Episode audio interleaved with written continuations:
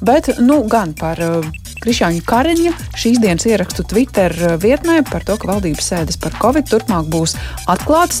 Kā tāds neliels pārsteigums vai varbūt rezultāts Kādai citai polemikai, jo zinām, ka saimnes deputāts Ivars Zariņš no saskaņas pat aicināja 24 stundu laikā sasaukt saimnes ārkārtas sēdi tieši par to. Nepieciešamais parakstu skaits arī bija savākts, uzskatot, ka sabiedrībai ir jāredz un pašai jāizdara secinājumi, kādēļ valdība pieņem vienu vai citu lēmumu saistībā ar Covid ierobežošanu, taču nu, šī ārkārtas sēde nebūs vajadzīga, jo valdība, tās vadītājs teica, ka turpmāk atklātas būs tās sēdes daļas, kur runās par Covid lietām. Mēs esam sazvanījuši Sājumas deputātu jaunās vienotības frakcijas priekšsēdētāju Aināru Latkovski. Labdien! Labdien! Vaicājot, vai varat izstāstīt, kādēļ premjerministrs, nu droši vien arī ar savas partijas atbalstu, ir pieņēmis šādu lēmumu mainīt nostāju daļu valdības sēdes padarīt tomēr atklātu? Nu, ja, noteikti arī ierosināta ārkārtas sēde kalpoja par pamudinājumu tam, tas nav jānoliedz. Opozīcija dara savu darbu, dažreiz labāk, dažreiz sliktāk, bet šis lēmums brieda jau kādu laiku. Es jums vienkārši gribu atgādināt šo slaveno bijušās veselības ministras Viņķels izteicienu par to, ka Kariņa meli ir tik balti kā viņa mati nu, to, ko beigās sabiedrība ieraudzīja, kad lēnām parādījās materiāli no šīm slēgtajām sēdēm. Liekas, pagājušā ceturtdienā žurnāls ir pat publicēja atsevišķus fragmentus, parādīja to, ka um, Kariņkungs uh, nemaloja. Uh, un, uh, uh, Premjeras interesēs ir atklāt šīs sēdes, uh, jo uh, ne tikai šis piemērs, bet arī daži citi piemēri rāda, ka uh, ministru kabineta sēdēs ir atsevišķi ministri, kas runā vienu un pēc tam publiski savos Twitter kontos vai atbildot uz žurnālistu jautājumiem, nevis maina savu viedokli, bet vienkārši runā pilnīgi citu.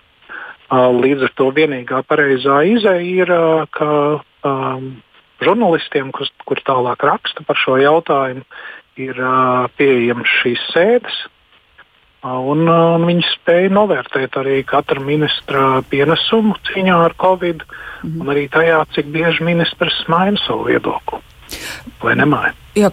Kā jūs redzat, kā tas mainīs koalīcijas darbu tajās pat sēdēs. Jo nu, vēl viens jautājums, par ko šodien viedoklis mainīts, ir par to pašu 500 eiro atbalstu ģimenēm. Nu, modelējot, kāda tad būtu tā diskusija, sēžot pie, pie valdības galda, kur nu, līdz šim dzirdējām, ka finanšu ministrs uzskata, ka būtu tomēr vēl jāpārdomā, kā tad ar to naudu rīkoties. Mm, ne, finanšu ministrs loģiskā kases turētājs uztraucās par to, cik tas uh, maksās, bet uh, tas jautājums tika pārunāts tikai koalīcijas sanāksmē, nevis uh, valdības uh, ministru kabineta sēdē. Un, uh, ministra kabineta sēde vēl tikai būs, un tā jau būs atklāta. Šī vienošanās ir, un viņa ir panākta mazāk nekā divu nedēļu laikā, ko, laiks, kurš bija dots, lai panāktu šādu vienošanos. Visticamāk, iespējamās uh, izmaksas uh, bērniem, ģimenēm ar bērniem arī uzsāksies ļoti ātri un raiti. Nu, protams, mēs esam praktiski viena no retajām pasaules valstīm, kurā kopš 2002. gadā ir atklātās valdības sēdes. Eksperti vērtē dažādāk. Es esmu viens no tiem, kas uzskata, ja reiz mēs esam bijuši vieni no pirmajiem, mums e, šī tradīcija ir jāturpina. Uh, ministriem ir jāmācās formulēt arī atklātu uh, sēdu gadījumā savus viedokļus un izteikties uh, saprotami un skaidri. Dažreiz tas kavē atklātu viedokli, bet nu, jāmāk ir pasniegt savu uh, viedokli. No, no tā nav jābaidās. Mm -hmm. uh, ir cilvēki, kas argumentē, kas tādā veidā veicina populismu. Uh, mēs zinām diezgan skaidri, ka rudenī un līdz Ziemassvētkiem diskutējot par ierobežojumiem šie. Uh, viedokļi bija uh, tādi no pilnīgi bez ierobežojumiem un pilnīgs tā saucamais lockdown, jeb uh, pilnā mājasēde. Ja, atšķirīgi. Protams, ja seko līdzi sēdēji un žurnālisti, kā tagad tas ir pieņemts, nevis cilvēks uh, vakar ziņās tikai iepazīstās, kas noticis dienā, bet seko līdzi sociāliem tīkliem, tad jau var sajūt prātā, jo liekas, ka notiek mētāšanās. Jā, no līdz viedokļi. Pie, pie piecu partiju starpā ir ļoti dažādi. Tas varbūt aiztaupīja to, ka tas lēmums pēc tam bija vienots, ja pie viņa pienāca. Bet eh, jāmāk ir strādāt šādos apstākļos, un, un, un sabiedrībai būs arī iespēja novērtēt, eh, un arī žurnālistiem, kā mm. ministrs spēj strādāt šādos apstākļos. Jā, sākot jau ar rītdienu. Paldies par šo sarunu, Sēmas deputātam Jonas vienotības frakcijas priekšsēdētājiem Ainaram Latkauskim un arī politologu pie aģentūras mediju tilts līdzīpašnieku Filipu Rievis, kas esam aicinājuši uz sarunu. Labdien! Labdien! Kā jums šķiet, ko mēs rīt varam sagaidīt? Nu, tādu tiešām skaidrību, kur redzam, kurš ko domā, vai nu, tomēr to potenciālo reklāmas laukumu. Jo vienmēr jau var sacīt, ka jā, tāds ir valdības lēmums, un pēc tam aiz komatīsi vai garāk stāstīt tieši kādēļ konkrētais ministrs domā, ka tā nevajadzētu darīt, bet lai nu notiek.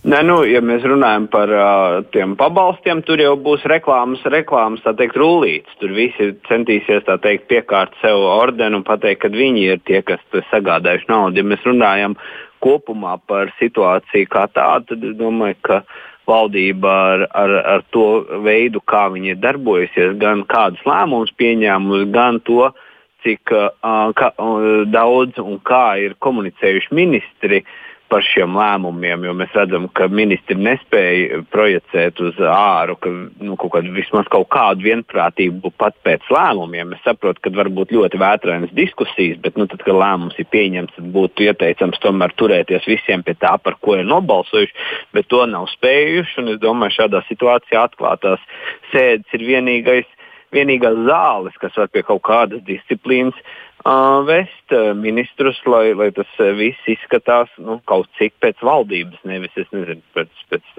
tautas sapulces, bez, bez kārtības, dienas kārtības mm. un bez atbildības pēc valdības, kurai tik un tā ir jāklausās epidemiologu sacītajā, un tie, kā zināms, ir ļoti piesardzīgi eksperti. Nu, reizēm tas tiešām tā izklausās. Mēs uh, esam pārliecināti, ka būs labāk, ja atteiksimies no plašākas rīcības. Nu, tur nav ne politikas, tur ir tikai iespējams uh, skaitļu modelēšana. Jā, bet tur ir viena problēma, ka epidemiologi, jā, viņi ir profesionāļi, viņi ir speciālisti, bet lēmumus pieņem galā valdība. Mēs labi redzam, ka uh, galā tad, kad tas lēmums tiek pieņemts, visi tika atsaucās uz epidemiologiem, bet varētu, man tāda sajūta ir, ka brīžiem, ka epidemiologi eh, katrs stāsta savu, jo, jo interpretācijas ir visdažādākās. Arī šajā situācijā mēs redzēsim arī no to, ko viņi ziņo, un pats svarīgākais ir tomēr gala lēmumu pieņem tie cilvēki, kuriem ir mūsu vēlētāju dots mandāts un kuriem būtu jāuzņemas atbildība. Jo tas arī nav pieņemami, kā mēs redzam arī citos graujoši neveiksmīgos gadījumos, lēmumos, ka tiek uzvelta uh, atbildība cilvēkiem, kuriem nav jāuzveļ atbildība, kuriem tas nav pienākums pieņemt lēmumus. Pie, lēmumu par pieņem, lēmumu pieņemšanu mēs maksājam teikt, algu mūsu ministru mm. kabinetam. Piemērs bija par vakcīnu iegādi vai neiegādi? Jā, tieši tā. Jā. Paldies par šo komentāru arī Filipam Rejevskim, politologu pie aģentūras mediju tilts līdzīpašnieku bijām aicinājuši pie tālruņa, lai mēģinātu uzburt to ainu, kādu rīt varbūt ieraudzīsim, kad uh, valdības sēdes tā daļa, kurā tiks skatīti jautājumi, kas saistīti saistīta ar Covid-19, gan atbalstu, gan citiem ierobežojumiem būs atklāta. Saimas deputātu lēmums sasaukt šai sakarā ārkārtas sēde bija kā viens no mudinājumiem valdības vadītājiem tomēr izlemt, un šodien mikroblogošanas vietnē Twitter arī paziņot par šādu savu lēmumu.